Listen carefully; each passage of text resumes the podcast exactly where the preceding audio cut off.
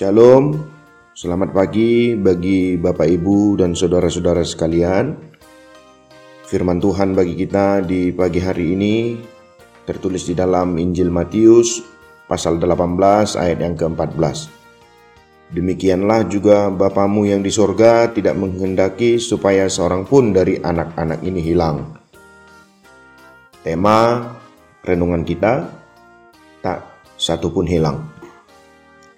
Sejenak kita mengingat kisah pengajaran Yesus tentang perumpamaan anak yang hilang yang diceritakan dalam Lukas pasal 15 ayat yang ke-11 hingga 32 di mana seorang ayah yang mengadakan pesta besar bahkan sangat bersuka cita saat ia melihat anak yang telah hilang kembali lagi dalam rumahnya sekalipun anak itu telah mendapatkan hartanya lalu menghabiskannya dengan berfoya-foya. Namun, Kesalahan itu seakan tidak dipedulikan atau tidak digubri sedikit pun oleh ayahnya. Tetapi kembalinya sang anak itulah yang menjadi titik perhatian penting bagi ayahnya. Seperti apa yang dikatakan dalam kitab Yehezkiel pasal 33 ayat 11.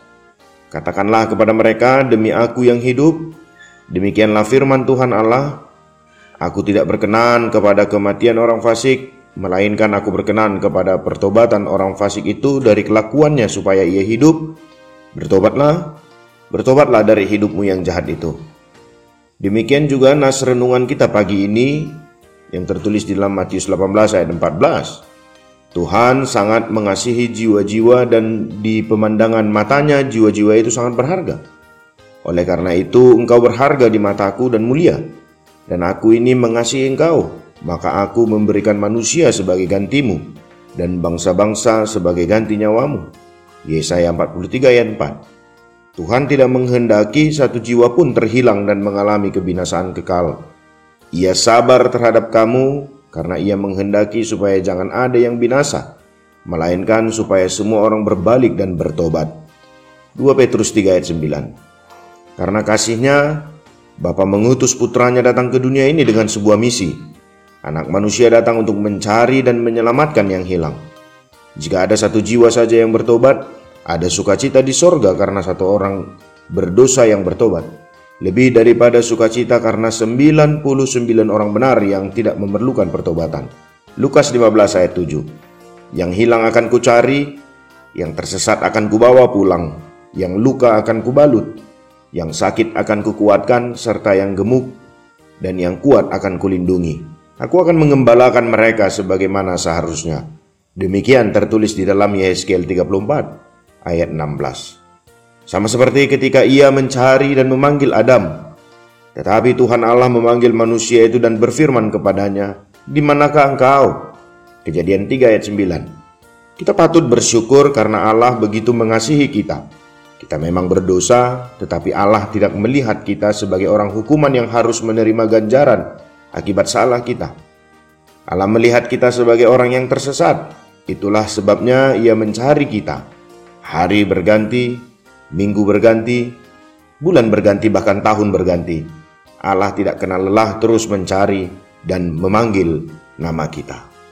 Tiada kasih yang terbesar selain kasih Kristus yang adalah gembala yang baik. Kembalilah kepada firman Allah, Tuhan memberkati.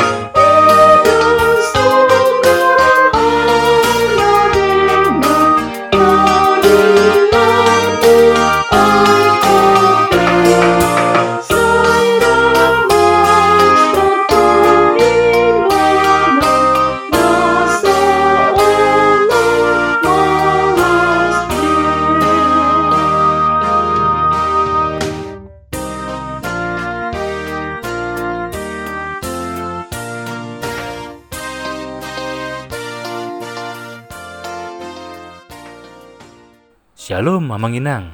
Terima kasih sudah mengawali hari dengan mendengarkan renungan hari ini. Yuk bagikan renungan harian ini kepada keluarga kita sehingga firman Tuhan itu tidak kembali sia-sia, namun berbuah dan terpelihara. Tuhan Yesus memberkati.